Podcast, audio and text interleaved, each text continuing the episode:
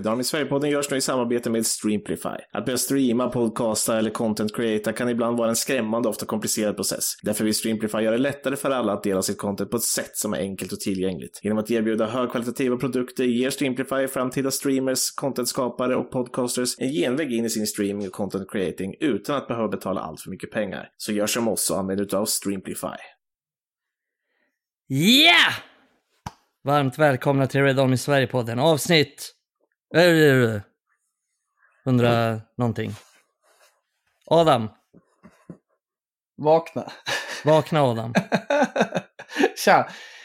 Är det dags att vakna? Jag mår bra, hur mår du? Eh, Jag mår bra. Tackar som frågar.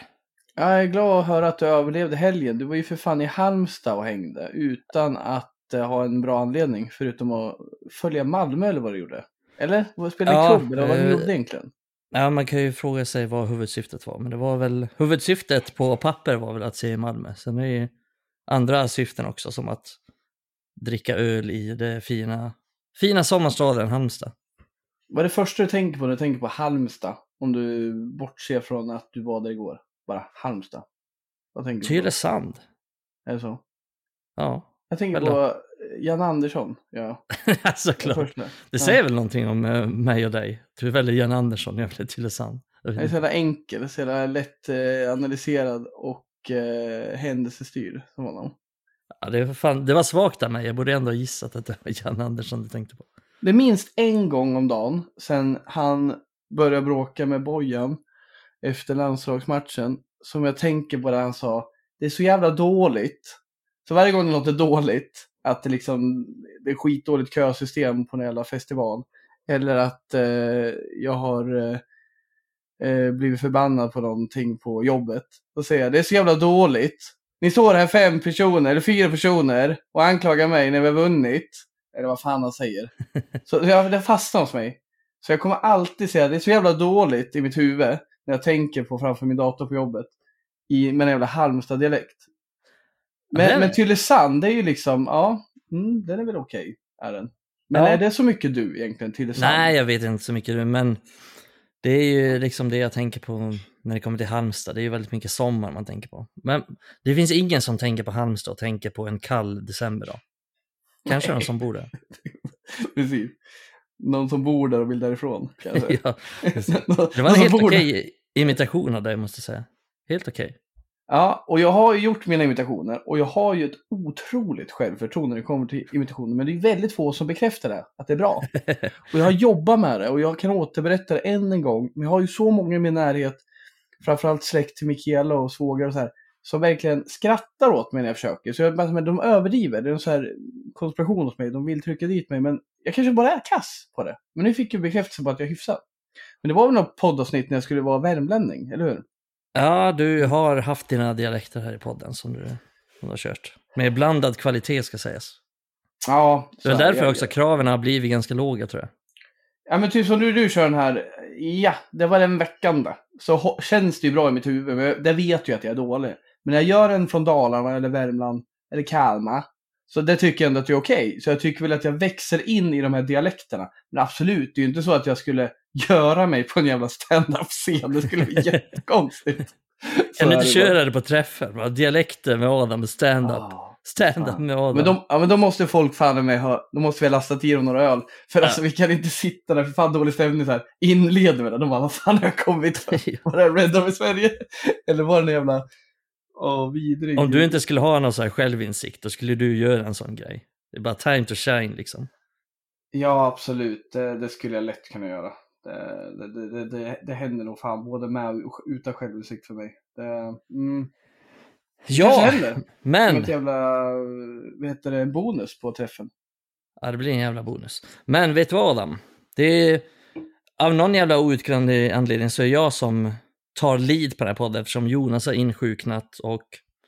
Ja, det blir lite kaotiskt men vi är två starka män här som ska göra det bästa av situationen så... Jonas tänk- har en fackad hals, så han kan inte vara med idag. Så då får vi ställa upp Ja, tillsammans. hans lena och fina röst där, som ni hör i inledningen, är inte så len och fin just nu. Nej, det är Nej, inte så- den östgötska rösten vi, vi är vana vid. Nej, nej precis. Så att det, vi glider väl in på, jag tänkte få någon fin koppling från playoff-finalerna i Championship.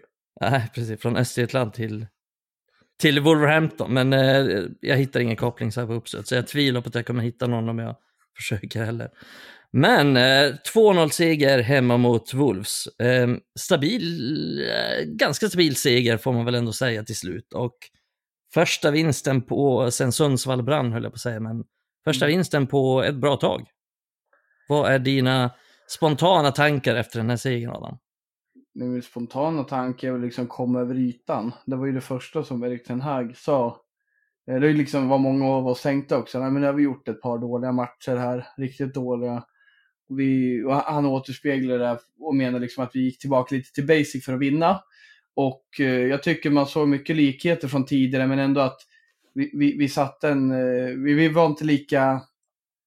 Eh, vi släppte inte till lika mycket chanser och, och liksom att det blev en andra halvlek blev inte precis så illa som det blev mot, uh, i, i tidigare matcher. Så jag kände det var skönt att komma över ytan, det är väl min spontana tanke.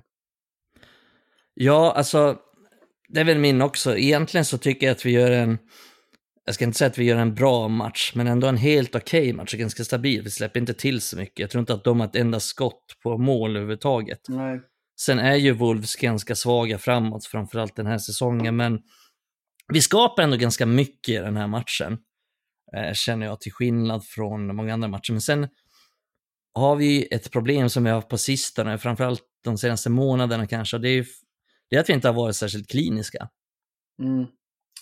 Eh, och jag tänkte där, hur, hur känner du kring de här? För att min känsla är ju framförallt den här säsongen och kanske framförallt ja, men förra säsongen också, att vi får liksom inga enkla segrar. Vi har, oavsett om vi dominerar matchen eller har bra kontroll på matchen, så står det 1-0 när vi kommer till 85 minuten.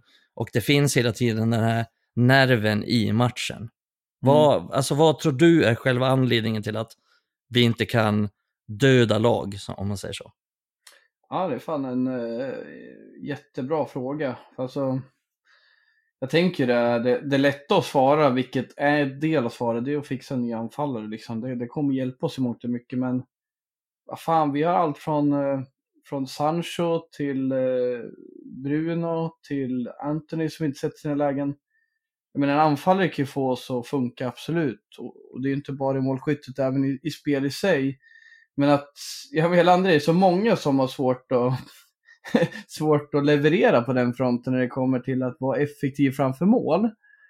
Eh, och, och liksom, eh, om vi tittar från förr i tiden, liksom, idag trycker vi in 10 kronor i den här maskinen och vi får oftast ut bara en krona, vi får bara effekt av en av 10 kronor. Liksom. Men, men förr var det fan, vi satte in 4 kronor och gjorde fyra kronor, alltså med Solskär.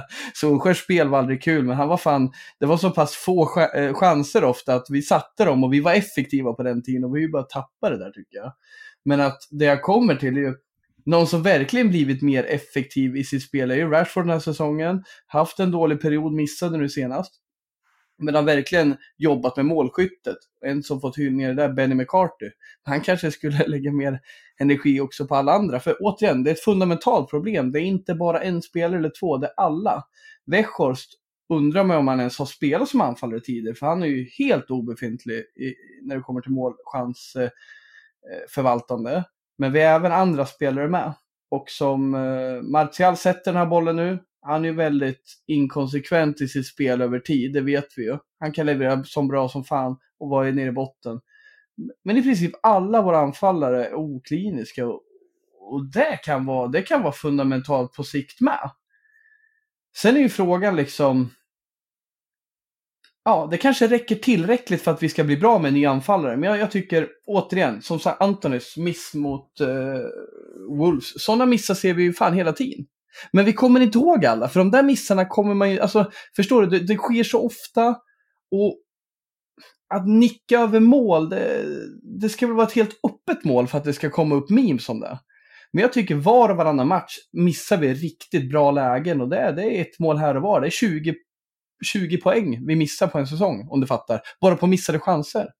På, men men tror du att det är liksom ett... Tror du det är att de spelarna vi har i offensiven är för inaktiva som individualister eller tror du att det handlar mer om ett lagproblem? Att det är liksom hur Erik Ten Hage satt upp laget, att det är det som gör oss ineffektiva? men absolut ett, ett lagproblem och där vill jag liksom också någonstans nu är inte Bruno ett problem, tvärtom. Han är vår lösning den här säsongen. Men kanske över sikt, om vi ska bli ett riktigt lag och, och vi ska liksom fullfölja Brun, eller Erik Tenags idé så kanske det blir lite nödvändigt ont med Bruno, för han skapar lägen och chanser åt oss. Men att hitta någon som är ännu bättre på att värdera kanske gör att vi kommer bli effektivare om två, tre år. Men, men låt oss titta på det då. Det är bara en sak jag vill lyfta, för även om jag kan se att anfallen där är bra i ett lag, till, till exempel Haaland, ja men liksom, City har inte blivit sämre, men man ser ju andra mönster i deras spel och hur de spelar. Nu ska vi inte prata om Haaland, men jag vill bara lyfta det som, på din fråga om jag ska bottna i det här först och främst, det är att ja, jag tycker det är ett lagproblem. För om vi spelar bättre som ett lag, där alla liksom hellre passar och, och vi spelar oss fram till ett mål, det kommer gynna oss i längden. Men om vi fortsätter göra som vi gör nu, att vi kommer till ett läge och så går jag på skott lite, Anthony, eller Sancho, eller Bruno, och inte spelar oss fram till mål. Titta på till exempel Brighton, de har inte en världsklassanfallare, men de har ju ett spel som gör att de kommer ta sig till mycket mållägen. De har inte kvalitet riktigt för att nå vidare sen i spelarna, men, men det är ju deras begränsning. Vi har kvaliteten, men jag tycker inte vi har det i spelet riktigt. Vi ser goda tendenser den här säsongen som gör att vi har växt från Solskär och blivit ett bättre lag. Det är i och för sig inte särskilt svårt tror jag. Det kräver bara att man har en spelidé. Men jag kommer kräva mer i framtiden för jag tycker att vi har ett bra spel till tredje, sista tredjedelen. Där tycker jag inte vi spelar riktigt som ett lag. Med undantag för det här som Anton gör. Så vill jag se var och varannan match. Att vi hellre passar än skjuter. Och det ska ju vara såklart att vi spelar till ett bättre läge. Vi ska inte passa för sakens skull. Men jag tycker vi går alldeles för mycket själva på avgörande lägen. Eh, jag kan hålla med om det. Jag tycker att det har tagit upp tidigare också. Att vi, jag tycker att United är ganska dåliga i sista tredjedelen. Ofta, ofta fel beslut eller att någon skjuter när de ska passa och så vidare. Och så håller jag med dig. Men jag tänker också så här, just med effektiviteten och så undrar jag om vi har spelare som har den kapaciteten att göra särskilt många mål. Nu har vi Rashford som har gjort eh, som har gjort mest, alltså flest mål i laget och jag kan ändå känna att han har gjort han har gjort fler mål den här säsongen än han någonsin tidigare gjort. Och jag är lite osäker på om han någonsin kommer kunna göra så många mål som han har gjort den här säsongen, även nästa säsong. För jag mm. tycker att han generellt har varit ganska effektiv. Men utöver Rashford så har vi inte så många som jag, jag kan inte se Antoni gör 15 mål. Jag kan inte se att Martial gör en liksom lika bra säsong som han gjorde då eh, 2021 eller när det var. Jag kan inte se att Sancho någonsin kommer göra särskilt många mål. Visst, Bruno har det i sig, men har konsekvent ändå liksom blivit sämre och sämre på att göra just mål. Eh, för att jag känner väl att han överpresterade ganska mycket vad gäller poäng i, i början av sin United-karriär. Att han mer nu är på en normal nivå vad gäller leverans. Men jag tror nästan att det är liksom så att vår avsaknad av striker, jag tror att i den här matchen till exempel, med en riktigt bra striker så hade vi vunnit med 3-0. Och jag tror att vi hade vunnit med 3-0 i väldigt många fler matcher som har blivit 1-0. Men mm. att vi liksom inte, vi är inte särskilt effektiva när chanserna kommer för att vi har inga bra målskyttar i laget. Men sen kan jag också kräva mer i den sista tredjedelen. Och jag tror och hoppas att det kommer bli bättring där framöver också. Men mm, det, är, det är lite si och så. Det är, jag tycker det är, det är, svårt att analysera för det är ett svårt problem, det är ett komplext problem. Och det, men det, det är ju det problemet vi har, att vi, vi gör lite för lite mål och finns säkert flera bottnar i det, flera olika anledningar till det, men eh, i, i den här typen av matcher så, så kan det ju ofta straffa sig eftersom vi får aldrig de här enkla segrarna heller och vi får aldrig de här enkla målen och där tror jag att nu byttes ju Ganacho in och gjorde comeback och det kan vi, kan vi prata lite om senare, men, men han har ju den här kapaciteten att kunna döda matcher genom, alltså han, det tycker jag, alltså när jag har sett honom i U18 och U21 så är han är en bra avslutare. Han är bra på de här typen av lägen som han fick nu i den här matchen och han är nästan bäst i laget på den typen av chanser faktiskt. Eh, eh som kommer där, just i det här omställningsspelet men också avslutningarna i omställningsspelet.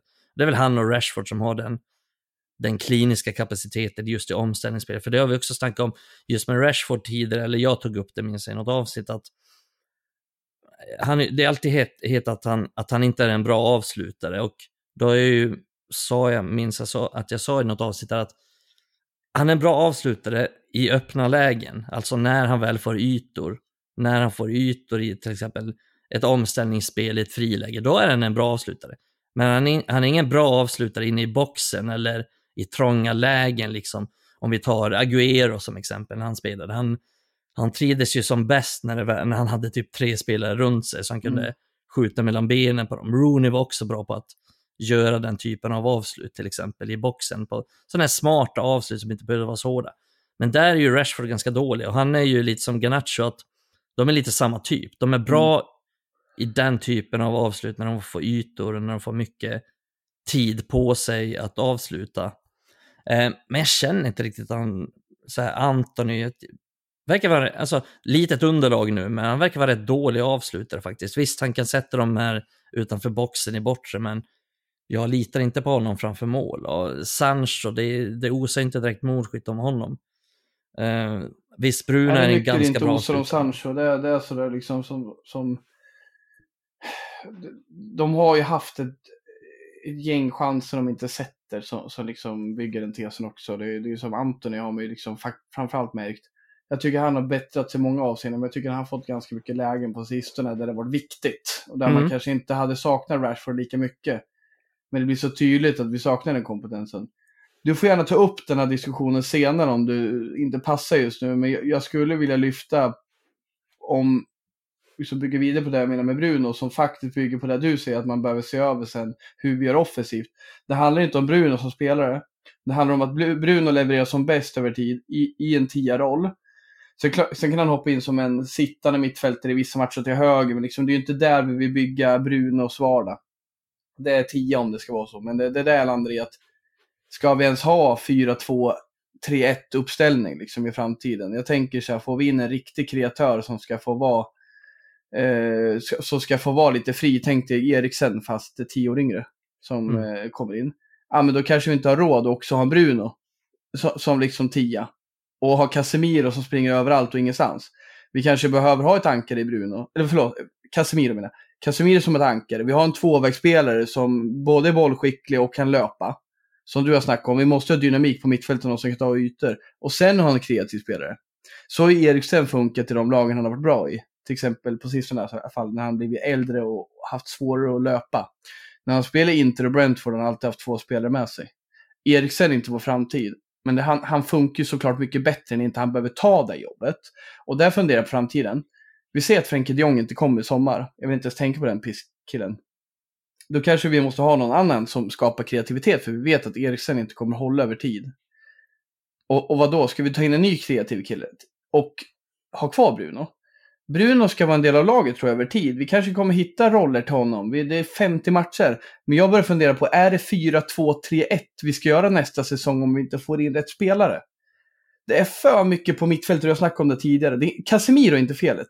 Men vi kan inte göra om Casemiro. Vi ska ha kvar honom som ankare, men vi måste ha någon som har löpmeter i sig och vi måste ha kreativitet. Kan vi ha det med Bruno på plan? Kanske. Men jag tänker att vi kanske måste se, om, se över hur vi ställer upp med. För jag tror inte på Bruno på ett tremanna mittfält. Där han ska vara liksom en del av eh, dynamiken centralt och ta jobbet. Jag tycker bara han blir sämre när han liksom kommer ur position. Ju oftare han får utrymme, när han till exempel är en deep lying play, eh, deep, fan fan skit engelskan, en, en djup eh, spelfördelare mot Everton där han inte får press, eller en ytter mot eh, vad heter det, Aston Villa där han inte får någon press på sig. Helt fantastiskt, helt underbar att ha i laget. Men, så det, det vill jag bara lyfta framöver. Det lät lite som jag är hård mot Bruno. Fan heller, jag försvarar han länge. Men jag landar i, ska vi bygga om vårt mittfält och släppa den tia-rollen som både Erik Ten Hag och Solskjaer vill ha, ja, då, då, kommer han ju få det svårt. Och jag tror det kan behöva vara så. Jag, kan, jag tror det kan behöva bli så. Jag, jag tror inte vi kommer hitta någon, någon fantastisk eh, med boll, tvåvägsspelande mittfältare bredvid Casemiro och sen har Bruno på mittfältet. Jag ser inte det framför mig. Det skulle vara om Frenkie de Jong kommer, men jag tror inte det händer. Förstår du vad jag menar? Man kanske måste tänka om lite centralt.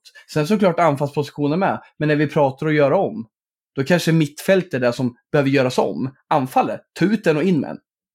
Mittfältet, det finns för fan inga bra kreativa mittfältare tillgängliga som bara kan komma in och leverera. Nej, Vad och snackar de om han från Brighton?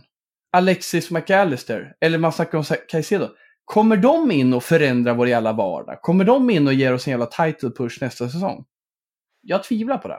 Alltså, jag, det är mycket snack om McAllister. Jag ser inte riktigt, alltså det är väl klart att han skulle säkert platsa på Uniteds mittfält, men jag ser liksom inte att han gör något speciellt som kommer ta oss till, till nya höjder. Casedo kan jag tycka är en bättre profil i så fall, för att han lite bättre defensivt och lite bättre dynamik på så sätt eh, till vårt lag. Men jag tänker på det när du tar upp Eriksen och, eller, och eh, Bruno Fernandes därför att jag tänkte ju efter den här matchen väldigt mycket om att jag har svårt att se Eriksen liksom ha en betydande roll nästa säsong och skulle han i så fall få det så tror jag vi ligger ganska risigt till. För att jag tror inte att vi kommer kunna utmana om några titlar genom att spela till exempel Eriksen, Casemiro och Bruno Fernandes. Köper Mm. helt argument och det förutsätter ju då att vi har ersatt med en spelare som kan lugna ner spelet och ändå ha passningsfoten. För det är det som också by- bygger mitt argument att ja, men vi kan inte gå in nästa säsong med typ Bruno och Casemiro. Sen trycker vi in Caicedo, jättebra, spännande. Han kommer inte lugna ner vårt spel på samma sätt. Han kommer inte bygga vår trygghet centralt. Så vi måste verkligen trycka in en spelare som dels kan täcka ytor med Casemiro, vilket skulle kunna vara Fred, men han har inte bollen i sig. Och vem är det då? Alltså det blir för svårt för mig och det är därför jag tänker om. Det måste jag också bygga på mitt argument. Jag tror inte vi kan lösa det nästa säsong utan att bygga om vårt mittfält. Men men, jag vet ju inte vad som dyker upp. Det kan dyka upp tre grymma mittfält vi gör om hela mittfältet, absolut. Alltså exakt. Men det blir ju så intressant, för Eriksen som du säger, vi kommer inte kunna ha nästa säsong från start. Eller så här, det kan vi ha, men det, det, kommer inte utveckla oss. Ja, inte, inte mot något topp 10-lag tror jag. Och jag. Jag tror att Eriksen, visst, han, han kan hålla centralt på mittfältet när vi möter Bournemouth hemma. Men jag tror inte att, jag tycker redan nu det är ett problem den här säsongen. Jag tycker han har varit sådär också när han har kommit tillbaka från, från skadan. Och jag tycker liksom, med alla förutsättningar så, att ah, han, har gjort en bra säsong. Men jag tror inte att vi blir, vi blir överkörda på mittfältet om vi möter ett topp 10-lag i Premier League eh, när vi har Casemiro och Eriksen. Eh, och det blir för tungt för Casemiro för han behöver ta för stort ansvar utan boll. För Eriksen utan boll är, det låter hårt när jag säger det, men han är värdelös. Alltså, hans styrkor ligger i bollspelet. Men utan boll, om vi inte har, om vi inte har boll, om vi till exempel möter City och har väldigt lite boll, då är han ganska meningslös att ha. Men det handlar om i- att han inte dimensionerar för det här mittfältet. Nej, Det och han helt, är... Och det är ett nödvändigt ont att spela honom och det här mittfältet. Det är det minst sämsta vi har. Men jag håller ju med dig. Du har inte fel i det, men någonstans, det är ju helt fel att spela han på ett tvåmanna mittfält med Casemiro. Så Ja, bara där landar vi med att det är helt fuckat. För det är som du säger, jag tycker du är hård nu, men det är sant. Mm. Han är inte bra och, och det är som att sätta Pogba på mittfältet med. Det är fel profil för det. Men det spelar ingen roll om vi har haft en spelare bredvid Eriksen. Det är inte så att det har slagit gnistra och blivit årets spelare i Premier League. Vi ska inte hålla på och liksom lalla runt en spelare som Pogba eller lalla runt spelare som Eriksen för att få dem att funka för att vara hyfsat bra. Så nej men jag, förlåt jag avbryter jag måste Nej, nej, lägga till alltså- det. det är liksom, han har ju hamnat i en kissig situation. Ja. Men det är det minst dåliga. Kommer du ihåg när vi snackade om det? Han kom in som reserv. Sen hade vi spelare som kan spela, vi har inte haft det på flera år. Men nu har vi insett att vänta nu, vi kan ju skitbra i det här laget. Och då börjar man ju vrida åt förväntningarna. Precis som varför är man kritisk den här våren? Jo, för vi vet att fan, vi levererar så bra fotboll så det är ju det här vi vill se nu varje vecka. Eller hur? Det blir ju så. Eh, Det blir så, det blir så. Jag känner ju mer och mer att vi behöver få in den typen av profil som är dels bra med bollen, för som lag så är vi för dåliga på det. Alltså vi är för dåliga med bollen, det är för låg, det är för låg teknisk nivå i det här laget. Och därför tycker jag att kritiken mot Anton är lite missvisande, för att alla tittar liksom på hans avgörande saker. Vad gör han för avgörande passning? Vad gör han för avgörande skott? Och visst, där finns det förbättring.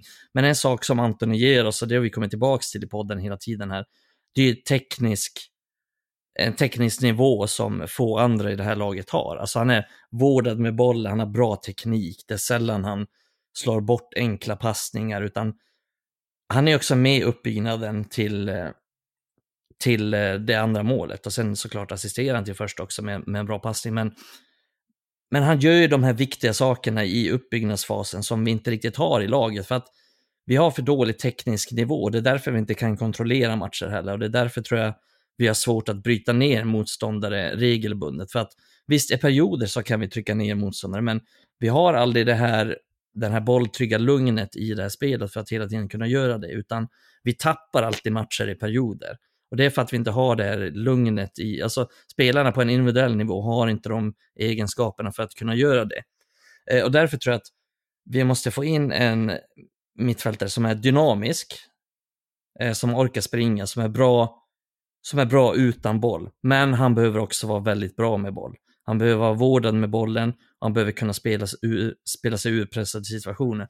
Och det är där, där liksom Frenkie de Jong hade varit perfekt, för att han är, han är extremt bra i passningsspel, han är bra under press, han kan ta sig ur pressade situationer, dels genom att spela sig ur, dels genom att dribbla sig ur. Men han är också ganska bra utan boll, liksom. han orkar springa mycket, han är ganska stark i duellspelet. Eh, och det är därför... Geist till honom, liksom. det är ju det, det hade ju passat mm. perfekt. Liksom. Och det är därför jag tänker på typ så här, jag men Caicedo, jag har inte studerat honom jättemycket så, men alltså, av det jag sett så är han ju, han är väldigt bra utan boll, liksom. han är bra i närkampsspelet, han orkar springa mycket, han är dynamisk. Men visst, han är, han är ingen kreativ kraft på så sätt att han kommer göra tio assist. Men han är ändå en ganska bra passningsspelare och han kan spela sig ur pressade situationer och det är därför han spelar i Brighton, för att han är bra på de sakerna. De hade aldrig värvat honom annars. Eh, så det tycker jag ändå hade varit en bra värvning. Det finns en anledning till att Arsenal ville ha honom, för att han är, han är bra i det spelet och, och Arteta värdesätter det också. Men eh, vi måste ju förmodligen hitta någon, alltså någon av den klassen, någon spelare av den typen som kan göra de sakerna. För att vi blir för ofta överkörda på mittfältet, vi blir för ofta vi tappar momentum och vi tappar initiativet. Och det är ganska enkelt att genom att eh, typ Aston Villa när vi mötte alltså Villa på Villa Park, att de sätter tre centrala mittfält, sätter ganska hård press, spelar ganska fysiskt, dynamiskt och då får vi jättesvårt att eh, dels spela oss ur de här situationerna men också att vi får svårt att ta tag i matchen för att vi eh, blir liksom överkörda i det fysiska spelet och Eriksen till exempel bidrar inte Eh, Eh, till att vinna tillbaka bollar eller till att bibehålla någon slags momentum i det spelet. Han är bra när han får mycket tid på sig, när han får slå sina passningar mot Bournemouth femma. Men han får det svårt i den här typen av fysiska matcher. Ja, nej men det, det, det är bra lyftare. Alltså jag, jag gillar jag gillar Caicedo. Jag tycker, jag tycker han är en jättebra spelare. Jag frågar bara väldigt eh, nyfiken på om han kommer lösa just den biten med att lugna ner spelet på det sättet vi behöver. Man kanske inte behöver hitta det perfekta mittfältet just nu, men jag tror fan vi kommer sakna just Eriksens fot, där han har kommit in med i laget, där vi verkligen saknar när han var borta. Att Fred kan lösa många biffar, men vi blir för jävla händelsestyrda. Och det är livsfarligt när Casemiro blir den som ska ha kreativitet. För det som är fint med Casemiro, det är när han är händelsestyrd under rätt förutsättningar. Det ska inte vara att han har boll i majoriteten av matchen, att han är vår mest bollförande spelare. Då ska inte han vara kreativ. Det är livsfarligt. Så det är väl det jag säger med Caicedo. Jag ser inte att jag har superbra koll på honom och dömer ut honom. Men jag, men jag ser liksom, jag, jag, fan det är, det är sån jävla miss om vi inte har kreativitet på centralt mittfält. Eh, det är därför jag snackar om Frenkie de Jong. Jag ser han som helt perfekt, men det, det kommer aldrig landa i det liksom. Nej, precis. Så, så är det ju. Han är ju, han är ju liksom drömspelaren i det. Sen kan säkert Caicedo komma in och, och fylla en roll. Jag, jag Men ska vi lasta göra... 50 miljoner på honom för det? För en chansning? Uh, jag vet inte om jag skulle kalla det chansning. Men vad är det då? Nej, jag, jag, tror att han skulle göra vårt mittfält bättre och jag tycker att han har visat det i Brighton att han är en, att han är en väldigt bra spelare. Men vi, alltså det är ju uppenbart och vi sitter här fortfarande. Vi värvade två centrala mittfältare i, i somras och vi sitter fortfarande här och pratar om att det är det stora problemet i laget. Och det är det ju, tillsammans med, eh, med att vi avsaknad av striker, vilket vi såg i den här matchen, och avsaknad av en liksom bolltrygg, bra, dynamisk central mittfältare, vilket jag också tycker att vi såg i den här matchen. Och det är det som gör att vi, vi liksom landar i den här diskussionen hela tiden, för att jag tycker att det hela tiden visar sig att det är där vi har de problemen. Alltså vi har problem att vi inte gör tillräckligt mycket mål, vi har, alltså, vi har ingen klinisk spelare. Vi saknar de här enkla målen. Vi behöver någon som gör enkla mål. Vi får nästan aldrig några enkla mål nu. Det är aldrig så att, alltså när jag kollar på Tottenham till exempel, det enda de får är enkla mål. Mm. Alltså det enda sättet de gör mål, för de skapar typ ingenting när jag ser dem någonsin. Men de gör ändå två, tre mål per match, höll jag på att säga. Men du fattar vad jag menar, för Ja, jag att de får hela tiden enkla mål, för att Kane behöver en tredjedels chans så gör han två mål. Eh, och det är den typen av, nu tycker inte jag att vi ska värva Kane, för att jag tycker att vi, vi behöver för- föryngra laget, vi behöver satsa på framtiden, vi behöver en anfallare som kanske är 24 år Mm. snarare än eh, 30-31. Tyvärr så är det så. Jag älskar Kane och jag tror att han hade gjort vårt lag så jävla mycket bättre, men det är en lite för kortsiktig lösning. Men så det är anfallspositionen och sen den centrala mittfältspositionen. Sen har vi andra hål i laget också, som målvakt till exempel, men det är väl möjligen så att vi skulle kunna liksom klara oss på det sker en säsong till, utan alltså att vi får prioritera anfall och mittfält kanske. Jag vet inte. Men... Nej, eh, jag klarar inte en säsong till med honom. Men det får vi ta en annan diskussion. Ja, det, vi, vi går inte in på den Jag diskussionen igen. Men, honom, jag men det- ja, exakt. Men, det, men det är ju de här problemen vi har och vi, det finns ju någonstans en anledning till att vi, vi återkommer till dem. Men eh, en, vi ska inte fastna i allt det negativa, vi får ändå nämna någonting positivt och det är att Garnacho gjorde comeback efter skada och hoppade in och gjorde mål direkt. Fantastiskt skönt. Alltså, det, finns ju, det finns ju några spelare. Du har ju Janisaj som en tydlig. Jag hade såklart också känslor för honom, men jag vet ju framförallt du som verkligen älskade honom som du har be, be, berättat tidigare i podden. Men just att, som för mig, ja men lite Ronaldo när han kom fram, Rooney, ja men det är en speciell känsla när de gör det här. Och det, det är ju hela vår klubb handlar om att give the youth a chance. Och sen liksom få göra det på Trafford, komma in och avgöra. Jag ryser ju bara mina egna ord runt det här och det är fan inga fina ord, men det är om en fin spelare. Men- Helt men- sinnessjukt vad, alltså vad så här. Grejen är så här, det här jag komma till något negativt sen, men det får säkert vara.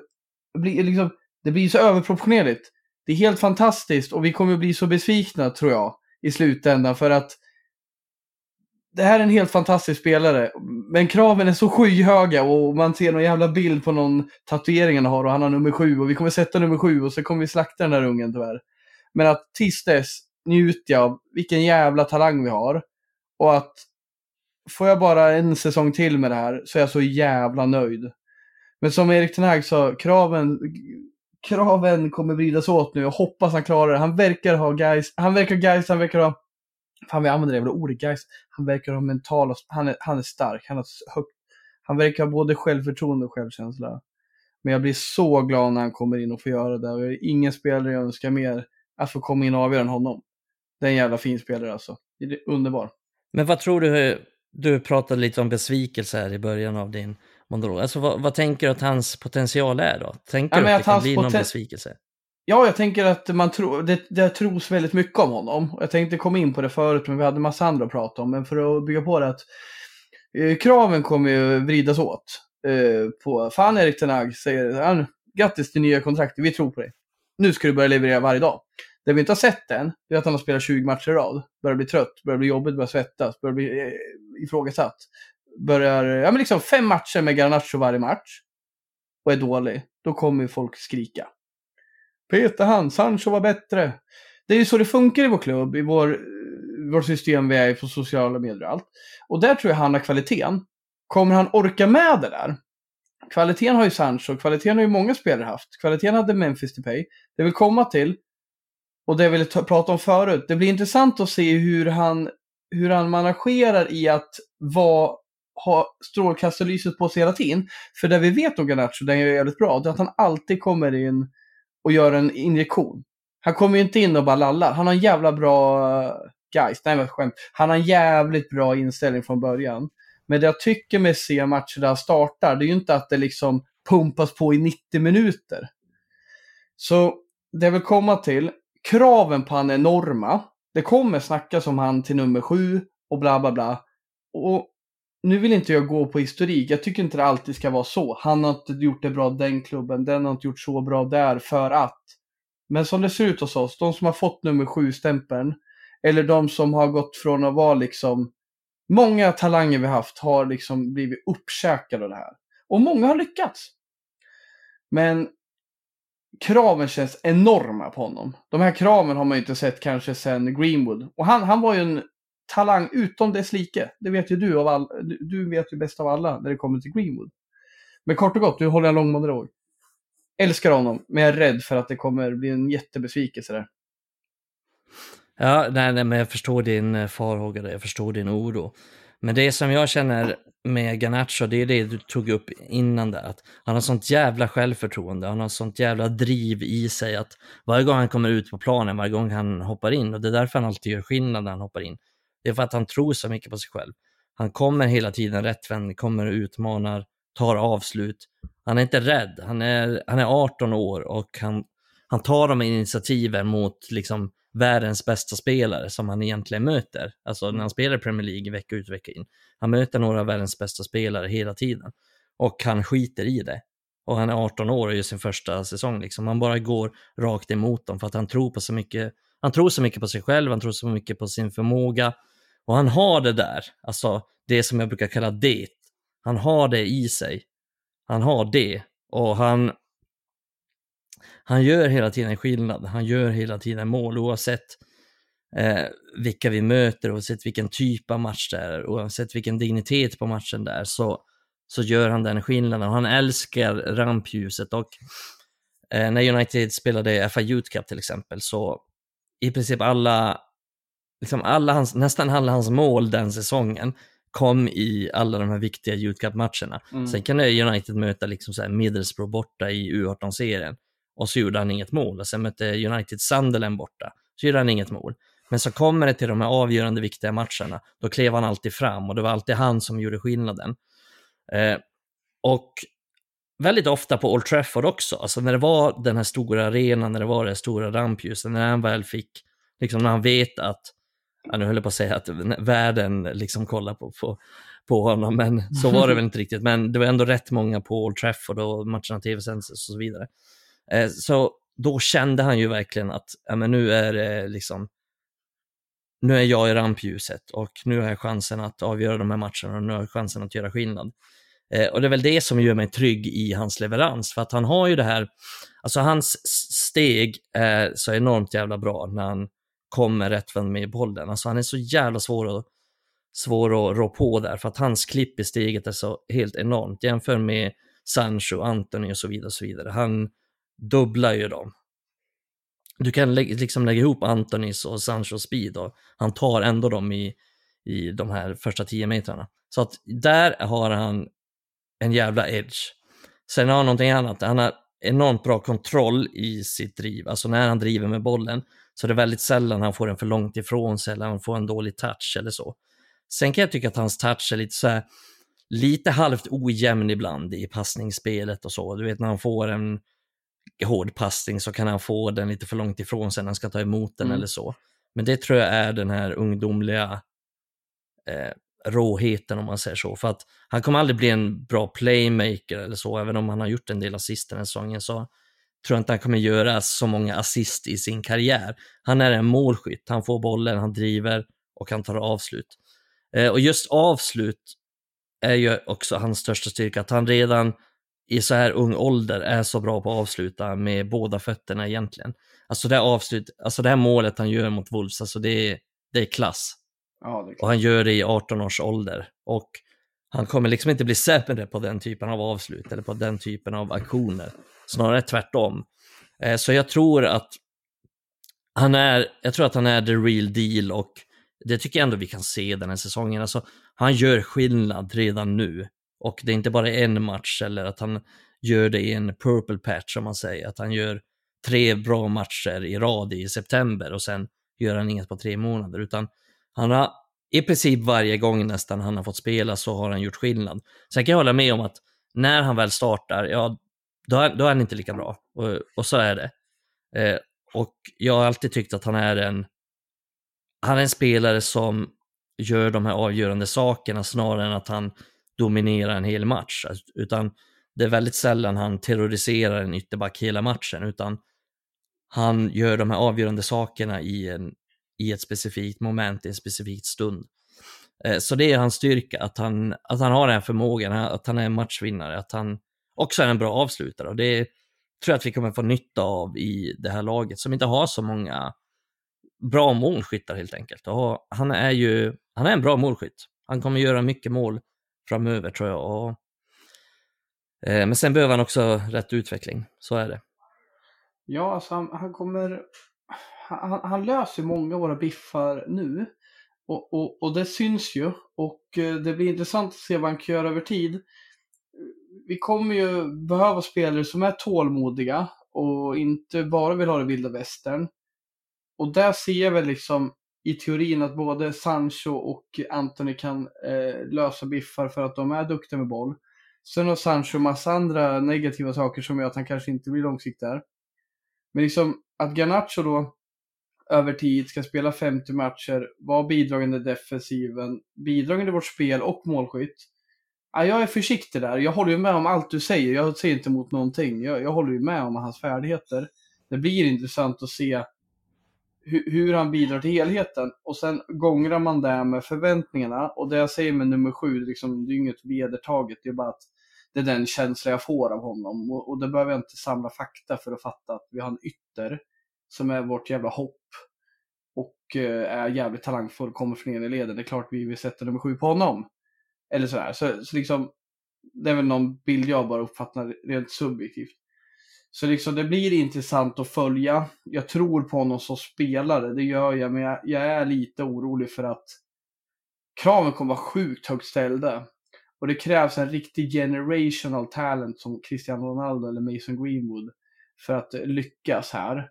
Och eh, även om jag håller med dig så tycker jag, jag tror inte han håller den tillräckliga höjden för att klara det över tid. Och det, och det är också att blanda in att det kommer komma in andra intressanta spelare, såsom Rashford och eh, spelare vi värvar som kommer konkur konkurrensutsätta hans vardag.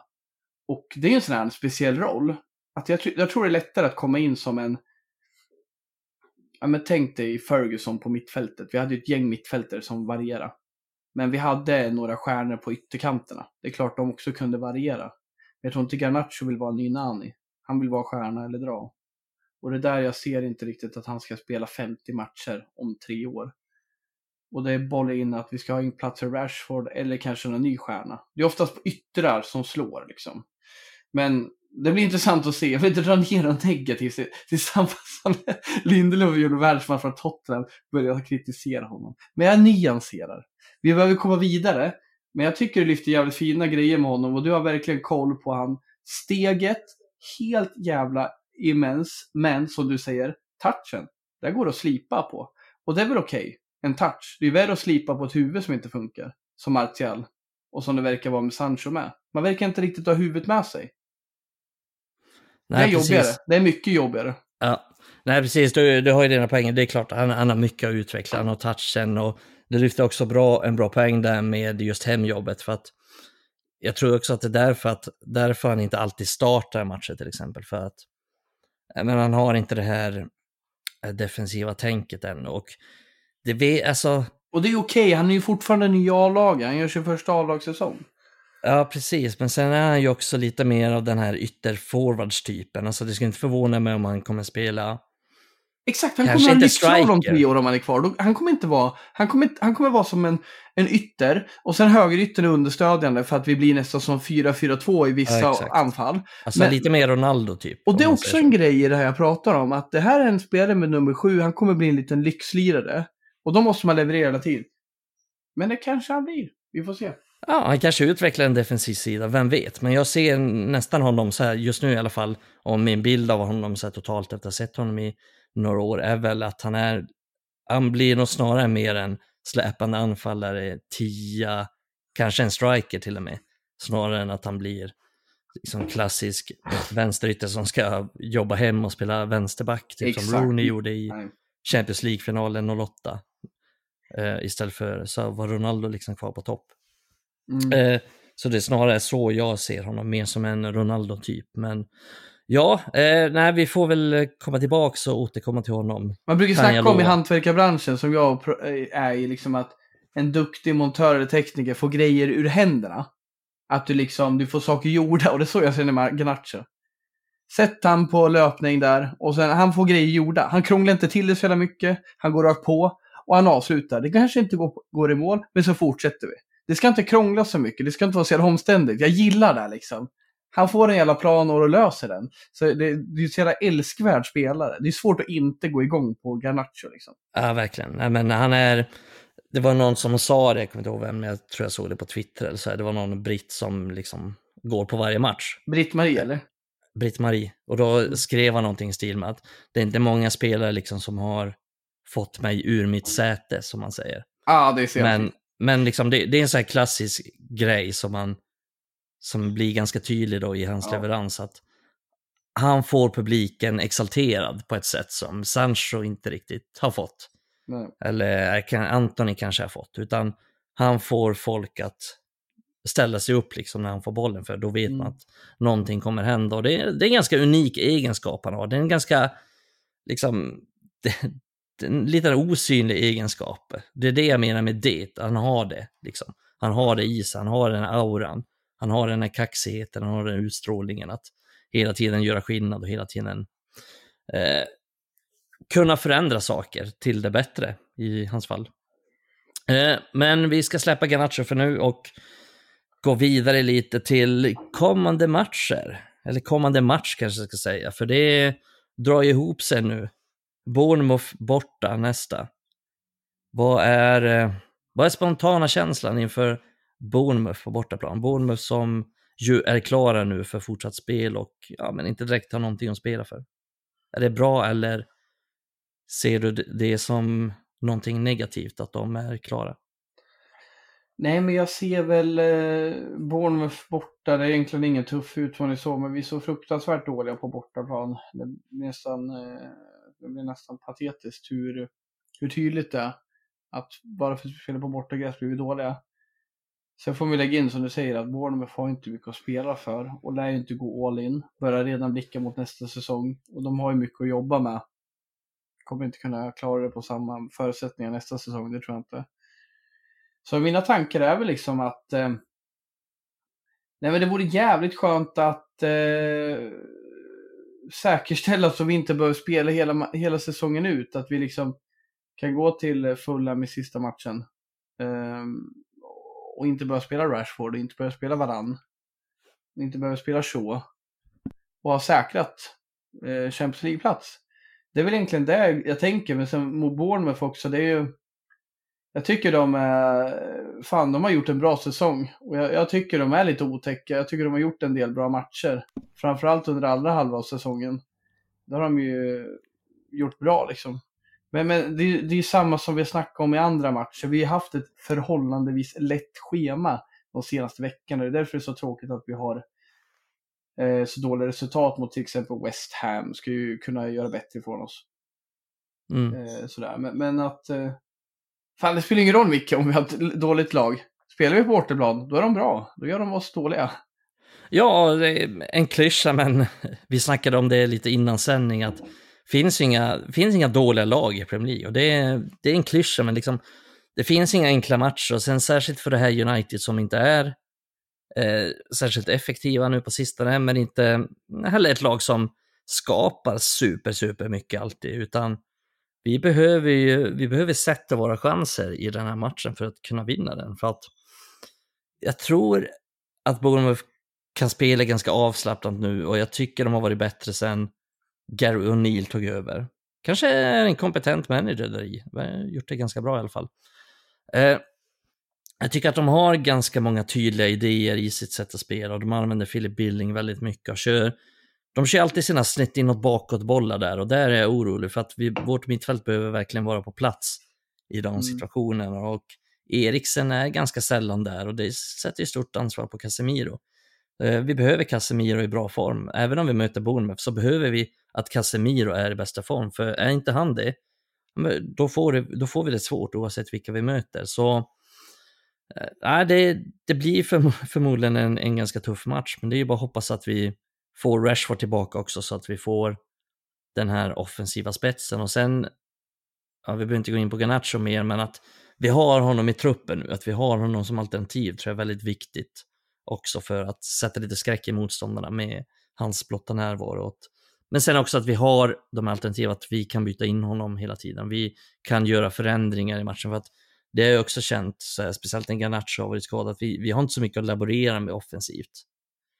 Eh, och det har ställt till det lite också för att han ger oss någonting annat. Han ger någonting annat än vad Sancho ger, än vad, än vad Antoni ger och speciellt om Rashford nu är borta så, så blir Garnachos inträde ganska viktigt tror jag. Men ja, det blir, det, blir en, det blir en svår match tror jag. Ja, nej, men du lyfter det med Casemiro också. Jag tycker, som, ja, men jag tycker att vår offensiv den är sämre utan Rashford, vår defensiv är sämre utan Martinez. Och det är väldigt viktiga spelare för oss. För jag tycker som Casemiro att Alltså hans formdipp efter ligacup-finalen, det har ju liksom format oss också. Att jag har tänkt på det också, att Eriksen var borta, ja vi, var, vi, vi tappade mycket, men vi hade ändå skitbra matcher utan Eriksen. Men efter finalen, vi har haft eh, Casemiro borta en del, han har varit ur form, fan vad det har påverkat oss. Och där känner jag någonstans att när han är med i matchen och verkligen bidrar, när han är den här hunden vi älskar, då är, han så, då är vi så jävla mycket bättre. Och det är inte att vi liksom fullföljer Eitan Hags idé och blir värsta tiki-taka-laget. Men vi vinner bollar och vi ställer om och då är vi bra. Då är vi bra, även om vi heter Sancho eller Anton eller Rashford eller Martial. Där har vi kompetens. Det är en kompetens som Solskär satte om inte annat. Det var en kompetens vi började med redan under José Mourinho, att nyttja omställningsfotbollen. Så där, jag landar i mycket där med honom att Ja men fy fan vad vi har saknat honom fast vi har haft med honom med. För jag tycker både när vi har varit utan honom har vi saknat grisen, hunden, kalla vad du vill, men när vi har honom på plan saknar vi också där han inte är bra. För om, Erik, eh, Erik, om Casemiro är på plan och inte är sig själv, då är det inte heller bra. Där vill jag komma till. Jag vill komma tillbaka till att fan vad bra vi är när han är bra. Vi är helt vansinniga när han är bra. Men vi är helt jävla kisskottiga när han inte är bra. Och vi kan, vi kan ta massa exempel när vi liksom hade mot... Eh, senast han var bra, det var väl mot Tottenham han var tillbaka, eller var det matchen efter? Kom, eller kommer du på när han var bra senast? Fan dåligt. Nej. Nej men det var någon match när han var tillbaka igen trodde vi. Och sen var vi tillbaka, var vi, jag tror det var matchen innan. Jag tror det var Brighton. Aston Villa. Aston Villa! Han, och sen, Aston Villa! Där tyckte jag ändå vi var bra. Vi var bra. Mm. Vi hade Bruno till på kanten som fick bollar när Gasem- Casemiro, Gasem- Casemiro var och vann boll. Vi skapar lägen. Jag tycker det är fundamentalt viktigt. Och sen kan vi snacka om mycket om att han inte kan passa och att Eriksen inte kan löpa och det stämmer. Men jag tycker framförallt att han är med och vinner boll på mitten. Och jag kommer tillbaka, varför pratar jag om det här? Jo, för vi kan leverera något slags eh, backlinje utan Martinez. Vi kan sätta in Shaw. Vi kan faktiskt göra mål utan Rashford, även fast det blir sämre. Men vi kan fan inte få till ett mittfält utan Casemiro-form. Det går inte. Det är inte. Vi kan inte göra någonting med, utan honom. Nej. Utmana mig här. Vad kan vi göra? Nej, nej, alltså det, det, det, Det, det, är katastrof. Jag bara landade utan- när vi snackade om supporterträffen Awards. Red Army Sverige Awards. Jag bara, mm. Ja. Cas, re, re, alltså, Marcus Rashford är min årets spelare. Men Casemiro är vår viktigaste spelare. Jag satt och tänkte, ska jag ha vänta Casemiro? Nej, men Marcus Rashford tycker jag har varit bäst. Men Casemiro, det är den viktigaste spelaren vi har. Så får många utmana det. Men jag landar i Casemiro, det är ingen spelare som vi lider av så mycket när inte han är bra. Och han har varit Mm. dålig de senaste matcherna och vi har varit skitdåliga. Jätte, jätte, jättedåliga har vi varit. Vi, vi är ingen som kan ersätta honom. Sen eh, tycker jag också att när han väl är bra så kan han liksom dominera det här mittfältet genom att vinna tacklingar till höger vänster, genom att Exakt. sätta upp bra anfall. Alltså, han har ju den här kapaciteten att kunna äga ett mittfält själv nästan. Eh, och ja, vi, vi har ingen ersättare till honom, vilket gör att han förmodligen blir vår viktigaste spelare. Jag tycker du gör en bra poäng där med att Rashford är årets spelare, men Casemiro är vår viktigaste spelare. Eh, så det är väl de två som är där uppe. Jag tycker ju Martinez också är... Det det är svårt val, svårt val Det är ett svårt val, det säger ingenting Eh, om. Det skulle jag aldrig. Jag, jag ändrar mig från vecka till vecka också, vem som är liksom årets spelare mellan de tre. Och det är som du sagt tidigare, vi har ju en i varje lagdel centralt. Ja. Och, och det, så är det ju faktiskt. Sen är det sker en jävla avart som fan inte vill prata om. Men vi har en mittback och en mittfältare och en anfallare som går att lita på. Ja. Och sen, ja, det är faktiskt jävligt tuff konkurrens. Tänk att Går att lita på att jag Casemiro har varit helt hela veckan. Ja. ja, det är ju hans, det är hans nackdel liksom. Det är därför han Ja, inte det blir säsongens spelare kanske i United. Nej. Eh, men det är, sen har vi Bruno också som har varit väldigt bra den här säsongen. Så Ja. egentligen har vi fyra spelare som har varit sjukt, ja, Shaw också, fem. Som har varit sjukt bra, som alla skulle kunna, en normal säsong så kanske alla de fem skulle liksom kunna vinna. Nu Eh. blir vi off topic här Mikael, men Shaw det har du fan rätt i. Alltså, det är, jag fan var jag kritisk mot honom, men han hade också mitt mindset när jag tänkte på årets spelare. Han, har, han har varit så jävla bra. Jag bara tänker så här. Finns det någon dålig match? Ja, Rashford massa dåliga matcher. Casemiro. Martinez? Ja, kanske någon där. Shaw? Fan heller. Ja, Fan fan heller. Shaw har inte varit en dålig. Och, och hur, när var vi med om det här senast? Fy fan vad vi har snackat om honom och diskuterat, men vi har ingenting att snacka om längre. Fuck you kan folk säga till mig när jag snackar skit om Shaw. Men jag kan inte göra det längre. För han har övertygat mig. Det finns där. Det finns både ett mindset och det finns en kvalitetsfotbollsspelare som alltid har funnits talangfull. talangfull. Så Shaw, det är nästan så att jag sätter honom till och med för eh, Martinez. Och, och om jag ska vara hård, Martinez har varit helt fantastisk. Förstå mig inte fel här. Men han är nyhetens behag också. Han är det fin. Han är ny, slaktar den här. Oh, vi älskar honom alla. Shaw blir lite, han blir kanske dålig i den här diskussionen, lite drabbad av sitt förflutna. Inte minst av mig. Men Ja, sen, helt sen, jävla magiskt bra. ja, men han är lätt att ta för givet också. Sen, det som gör det extra imponerande är ju att han har spelat mittback också. Han har ju aldrig Exakt. spelat mittback egentligen i United. Alltså aldrig någonsin. Han har spelat någon match i en trebackslinje så här, men nu har han spelat en, det är helt annat att spela en fyrbacks, rak fyrbackslinje som mittback. Eh, så bara det gör ju också att han har varit otroligt imponerande den här säsongen.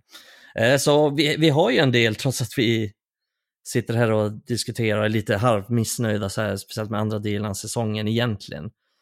Eh, så har vi ändå fyra, fem spelare som har varit jävligt, jävligt bra den här säsongen och det gäller bara att vi liksom kan bygga vidare på det och ha kvar de spelarna och sen fylla på med lite nya nyckelspelare som också kan komma in och hålla deras nivå för att det är lite vårt problem att vi har, vi har några jävligt bra spelare som är jävligt bra på det de gör och det är framförallt de här nya spelarna som Martinez, Casemiro och så vidare. Och det visar att vi är på rätt väg i rekryteringen, att vi kan, vi kan värva bra spelare, vi kan identifiera bra spelare och få in bra spelare som har de här egenskaperna vi vill ha.